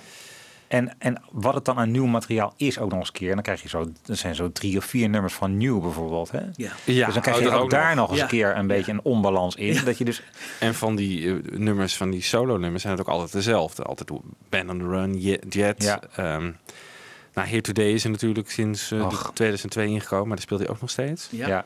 ja. Ja. Die, die tributes mogen er wel. Die, die zijn natuurlijk roerend en die zijn mooi. En die zijn mooi, maar ook mooi geweest. Ja, hè? het is nu ook wel weer gehoord. Ja, dat is klaar. Ja. Ja, dat Ja. something op de ukulele. En, Ja. eh, dat, Doet hij dat nog steeds trouwens, of niet? Nou, dat dacht ik niet. Ik denk het niet meer, nee. Nee, nee. nee, maar Wat vonden jullie van toen hij eh, eh, All Things Must Pass eh, speelde? Ja, dat ah, vind, dat vind ik leuk. vind ik heel gaaf. Ja. Dat vind ik heel Ja. leuk. ja. Ja, ik vond het op die tribute bij George Ja. vond ik het echt Ja. fantastisch. Ja, nee, dat is, dat is weer geweldig. Dat ja, maar toen hij het zelf live speelde, ja, ik kon het wel waarderen. Maar ik dacht van, ja, hm, hm, vond het Heeft- toch weer een beetje vreemd. Heeft hij dat vaak gedaan dan daarna nog? Ik ben een keer naar een concert eh, in Oslo geweest. Ik was daar op vakantie en toen, ben- toen trad Paul er ook op. En toen speelde hij dat. Oh. All Things Must Pass. Dus ik heb het live gezien. Jij bent een van de weinigen dus. Dat denk ik, ja. Ja. 2004 was dat. Ja. Oké. Ja, het is niet alleen maar, zeg maar te veel Beatles, maar het is ook dat je zo ja, echt veronachtzaam dat je gewoon een, een, een body of work hebt, zeg maar. Ja. Gewoon eh, van, van 20 jaar gewoon werk. Waar, waar, waar- nou, en ik denk eigenlijk als je het even eh, niet naar alle kleine uitzonderingen kijkt, maar, maar laten we zeggen 30, 30, 40 jaar werk misschien wel. Wat je Ja, gewoon. gewoon door de playspool Ja. eigenlijk. Ja. En dat ben jij ook, McCartney. Dat Ja. is ook gewoon wie jij bent en wat je, wat je hebt gedaan. Ja. En, Ja. eh, En dan en toe vergeten we nog eh, de nummers die hij heeft weggegeven. Want er zitten ook prachtige nummers tussen. ja. Hè? Ja. Eh, goodbye, Ja. let's, let's Love, On the Wings of a Nightingale. Ik zou On the Wings of a Nightingale zou ik hem graag eens eh, Ja. horen spelen. Ja, nou, nou, dat vind ik dan wat. Ik vind het wel een mooi nummer. Dat zou ik dan wat minder. Net als met Come and Get It, weet je. Dat heb je gewoon weggegeven. Ik van ja. Hij heeft het wel geschreven technisch. Dus ja, eigenlijk zou er niks mis mee moeten zijn. Maar ja. Toch voelt toch een beetje, Nee, beetje ik- vreemd. Ik, ja. ja, ik zou het wel willen. Nee. Hij heeft trouwens Flaming Pie, het nummer, eh, af en toe nog wel eens. eh Ja. Calico Skies volgens mij ook nog wel eens. Echt niet meteen na, eh, na het verschijnen van het album of zo. maar gewoon echt laat, tien jaar later zo nog wel gespeeld. ja. Dus dat Ja. zijn volgens mij de enige blijvertjes. En Here Today zal het meest recente, constante ding zijn. ja. Uit 1982. 82, ja. Ja, Daarna niks meer. nee. Nee. En dan wel van die modieuze dingen, hè, zoals de fireman dingetjes. En Oh zo. ja. ja, dat Ja. Is, Ja. Dat, dus dat is Ja. ook weer... eh, Ja. het is een kwestie van smaak, denk ik ook. En ik bedoel, als je er staat, is het allemaal wel weer leuk. Maar stel je voor, mijn, mijn hart gaat echt sneller kloppen... als je opeens, eh, weet ik veel, Youngboy gaat inzetten van... wow, wat is Ja. dit? eh, Ja. ja. hè? Ja? Zijn er nog meer eh, tracks die je zou willen horen? Nou, wat, wat, wat in ieder geval opvalt als je op, eh, naar die, die, die fans kijkt eh, voor de Mac Report, die hebben heel- toch veel materiaal, zo al drie nummers van eh, Back to the Egg. Natuurlijk wat ook echt een rockplaat is. Ja. Ja. Maar dat vind ik ook niet realistisch als je dat... Nee. Dat gaat hij echt nooit doen. Nee. Nee, maar Getting Nee. Closer zou wel kunnen. Hè? Ja, dat is een fantastisch ja, nummer. ja, maar dat gaat, ja, hij, dat gaat hij echt Gaat niet, hij doen. niet doen. Nee. Dat gaat hij niet doen. Meer van Ram ook niet. Terwijl ik dat een fantastische LP vind, maar dat doet hij ook niet. En zou dat ook een keuze zijn in wat hij aan kan qua zang bijvoorbeeld? Want dat vind ik bij Backseat of My Car bijvoorbeeld. Hè, dat, dat gaat hij natuurlijk. Nee. ja, Niet, eh, dat is zo'n acrobatiek. Dat, dat, Nee. net als Nee. Oh Darling, dat speelt hij dus ook niet meer. Heeft Nee. hij nooit gespeeld? Nee. Nee. Nee, nee, nee. Nee. nee. Maybe I'm Amazed wordt ook al moeilijk hoor. Ja. Ja, Ja, dat wordt ook al moeilijk. Dat was Ja. bij Saturday Night Live heeft hij dat dit jaar gedaan. Dat is- Oh, ik dat heb het zelf nog niet gezien, Nee, ik durf het niet. nee, Maar nee. Ja. het schijnt eh, heel erg geweest te zijn. Ja. En ja, maar ook Silly Love Songs bijvoorbeeld heeft hij ook nooit sinds 76 meer gespeeld. Dat vind ik ook gek. Ja. Terwijl dat- kan hij prima halen volgens mij. Ja. Ja. Zeg maar, als hij toch die Beatle-nummers wil spelen, zijn er dan nog Beatle-nummers die jullie willen horen? Nou, dat vind ik wel steeds moeilijker worden. Als ik Dat wordt moeilijk, ja. Ja. Eh, Every Little Thing zou ik wel eens willen horen. Oh ja. Ja. Martha, Martha, my dear. ja. Ook leuk. Ja. Another Girl. Another girl. Ja, hij heeft gewoon al, als je gewoon Ja, de, balans gaat opmaken. Op Rubber? Soul heb je geen klaag hoor. I'm Nee. Looking Through You heeft hij gedaan. Ehm, Ja. You Won't See Me. Ja. Ehm, Ja. The Word. Ja. ja Wat nee, niet, nee, eigenlijk. Dat, dat is waar. Dat is waar. Ja, Wait. Ja. Maar, ja. Nou, dat zit ik. Ja. dan moet ik weer de nummer moet ik een beetje zich ergens over lenen. Hè? maar Here, There and Everywhere en For No One speelt hij ook niet vaak. Dat Nee. verbaast mij ook. Nee, terwijl hier en Everywhere is zijn favoriete Beatle. Ja. Ja. Ja. Ja. Dat heeft hij natuurlijk wel in de po- eh 93 tour gespeeld. Ja. En Ja. op uh, Unplugged speelt Ja. ook. You Know My Name zou ik ook wel leuk vinden. Carnival of Light zou ik ook wel willen horen. Wel op lijkt. Ja. En nou ja, wat, ja, wat ik al, eh daarna vond ik wat aardig dat je vroeg van, van All Things Must Pass, dat hij inderdaad een, een nummer van een andere artiest, een contemporain, een collega van hem, eh, dat hij dat eens een keer neemt. Inderdaad van George of van John, gewoon Ja. echt eh, uit de onverwachte hoek. Ja. Het, ik denk dat dat de bottom line is. Het verrast ons allemaal gewoon te weinig nog. Ja. Eh, Ja. ja. Ja. Maar ja, hij treedt ook niet op hè, voor eh, de, eh, echte, de echte diehard fans. Hij gaat gewoon echt voor de grote massa. ja, En die willen toch het Beatle-werk horen. Die Ja, zijn dat- niet ja, is dat zo? Dat, ik zou daar Dat- wel eens een, een enquête over willen houden. Hè? Ja, nou, ik denk het wel hoor. Van al die mensen die daar komen, willen die altijd, altijd willen die weer Yesterday en Hey Jude? Nou, ik was toen bij dat eh, concert in eh Ahoy 2012. Toen, oh, dat was bij ehm, dat verhaal over Jimi Hendrix. Wat hij altijd vertelt, weet je wel. Ja. The first Ja. time Ja. he played Sgt. Pepper en dit en dat. En ik van, oh jee, gaan we weer. maar die mensen voor mij, Vond het interessant. Ja, want hier hoorde dat voor het eerst. Wat een verhaal, fantastisch. Er waren gewoon een moeder en een zoon. Ja. Die waren daar. En toen dacht ik, oh ja, daarom doe je het. Ja, ja. Had ik iets, ja. Die waren ook helemaal de wel. indruk van Blackbird dat het voor Ja. de zwarte... Ja. Ja. Ja, fantastisch. Ja, Ja, hè? als je het voor het eerst ziet, is het natuurlijk ook fantastisch. We hebben het te vaak gezien. Ja. En voor ons maar, doet hij die concerten Niet. ook wel, maar niet. Strikt genomen niet, Nee. nee. nee. Nee. Maar hij moet het toch ook van ons hebben? Ons heeft hij al. Ja. Ja. En wij gaan nooit meer weg. Ja, maar... Nou ja, ik zou wel eens willen weten hoeveel procent nou echt hè, dat heel graag wil horen. Ja. Of dat echt eh, de meerderheid is. Wel als je in een stadion speelt, denk ik hoor. Ja, en misschien moet je toch ook erkennen dat door, eh, dat blijkt ook wel uit deze show, denk ik. Hij speelt heel af en toe eh, toch wel echt eh, op tamelijk obscuur materiaal. En zo probeert hij denk ik toch ook het interessant te houden voor ons, de diehard fan. Ja. Ja. Maar Let It Be en Hey Jude zullen er nooit uitgaan. Nee. Nee. Echt nooit. Maar wat ik ook bijvoorbeeld wel eens leuk vond, toen hij in die Abbey Road show, hè, toen heeft hij Lady Madonna op een andere manier gespeeld. Ja, hè? dat is ook Dat leuk. vind ik dan ook wel weer leuk. Ja. Heel langzaam of zo, weet je wel. En dan een beetje jazzy-achtig. Dat, dat, zoiets zou ik ook wel eens leuk vinden. Dat hij dat deed. Hè? Dat hij Ja. het dus echt op een andere manier doet. Ja. Hij heeft ook wel eens eh, bijvoorbeeld Yesterday a cappella gezongen. Hè? Zonder enige, vond ik dan, hè, is ook wel weer. Ik bedoel, als je het dan doet, doe het dan net even iets anders of zo. Hè? Ja. Of met een strijkorkestje. Maar de- eh, ja, goed. Maar de- dat zou ik nou zo leuk vinden. Goed. I Will gaan we dus wel krijgen, denk ik. Ja, hè? nou dat is interessant of, de- Ja. of we die krijgen. Ja, dat denk ik. Jij durft erom te wedden? Ja, Oké. Nou ja, ik, eh, ik weet het niet. Zou, zou kunnen. omdat ik dat in het artikel las. Ze zei van ja, I Ja. obviously got to learn it now. Ja. Of zoiets zei hij. Hij heeft het al een keer gespeeld, hè? Ja, precies. Zei Ja, ik, ja. maar dat is hij vergeten, Dat is ik. heel veel vergeten. Hij moet weer opnieuw leren. Ja. Ja. Maar dat is toch ook zo. Hij heeft toen bij eh, dat Live Aid, toen hij Sgt. Pepper eh, speelde met U2, ook, Ja. zei hij toen ook van... Ja, dit is the first time I play it since 1967. Eh, nee hoor, Paul. Tour 89, 93. Hallo. Je hebt het honderden keren gespeeld. Daar kan ik dan niet bij, hè? Nee. Nee, nee. Maar van hun eigen geschiedenis weten ze ook vaak. eh, Dat durft niks, dus eh, niemand tegen hem te zeggen. Want Nee. Wix die weet dat wel gewoon. Ja, die maar die durft dat niet te zeggen. Niet te zeggen. Paul. Dingetje. Ja, Klein wat dingetje. Ja. Al die honderden avonden, weet je nog? Ja.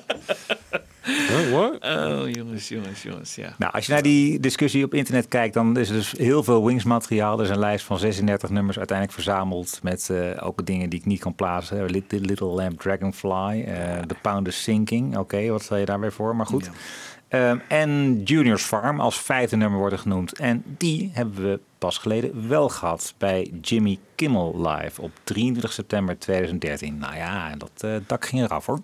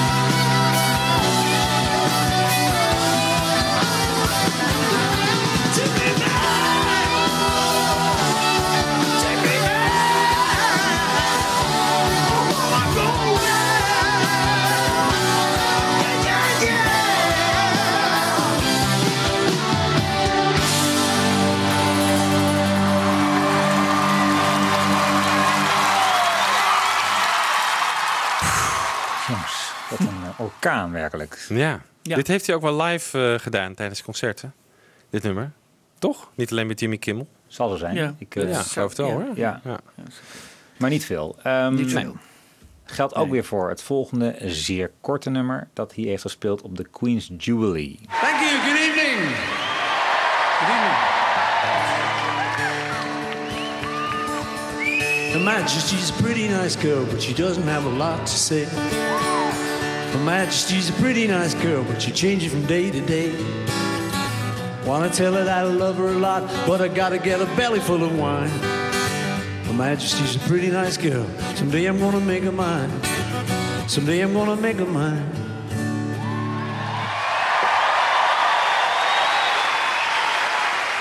I had to do it.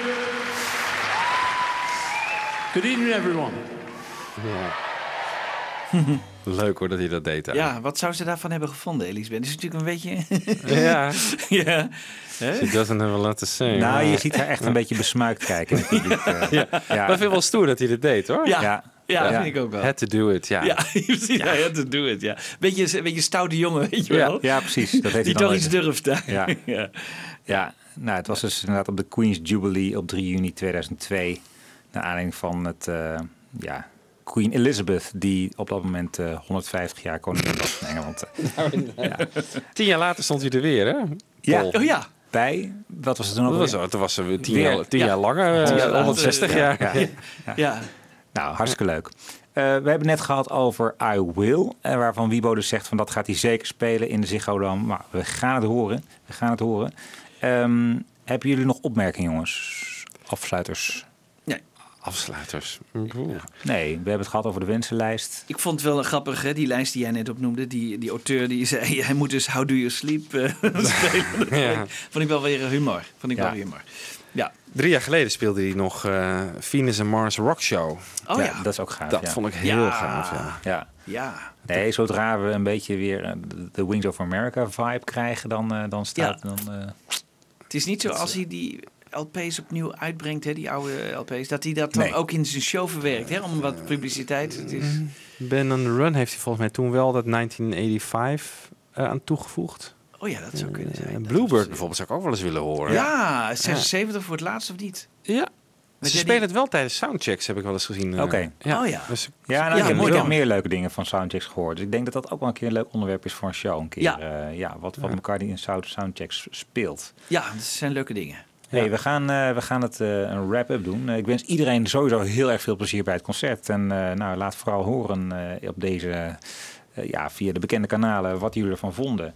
We gaan afsluiten met I Will. Ehm, nou nee, we gaan even, eerst nog even ehm Abe Laboriel Jr. aan het woord laten. Die gaat nog even de magische vraag stellen. Is het voor het laatst nou dat we McCartney live gaan zien of niet? Eh, nou, het antwoord is eh, ontkennend, maar eh, hij heeft er wel een mooie, mooie, geeft wel een mooie visie op. En daarna sluiten we dus af met I Will. Dus graag tot de volgende keer en heel veel plezier eh, op 7 en 8 juni. Do you see any end in sight? No. No, honestly, he has more energy than us young whippersnappers have. I've never met someone who has more, again, just a, a love for life and an ability to experience it to its fullest. He, you know, goes on stage. Not only does he perform the way he does, we're singing all the songs in the original keys. He goes for about two hours before we take our first break for an encore, and he has one sip of water at that point, you know, whereas I'm back there chugging on water, dripping with sweat, trying to keep my energy up. And he's just calm and cool and full of energy. So no, there's no there's no end in sight. He uh, you know he loves doing it. He's only doing this because he he wants to do it, and that's that's the beauty of it. You know, so there's no limitation. Who knows how long I've loved you? You know I love you still. Will I wait a lonely lifetime? If you want me to, I will. For if I ever saw you, I didn't catch your name,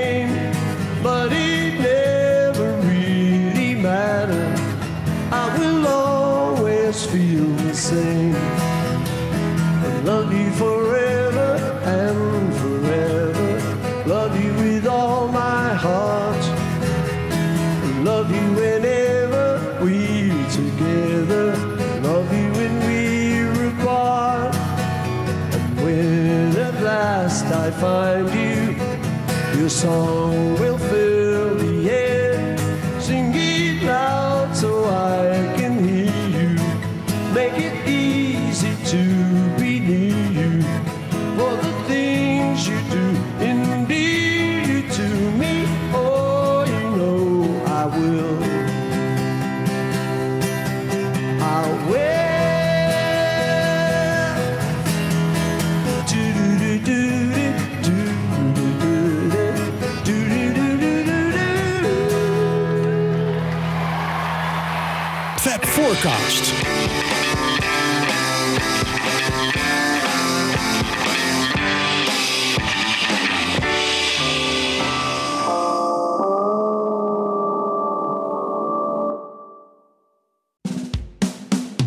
Was een podcast van Avro Tros. Wij maken tientallen podcasts per week. Van klassiek tot pop, van actueel tot archief, van reguliere radioshows tot speciaal voor podcast gemaakte programma's. Kijk voor meer podcasts op avrotros.nl.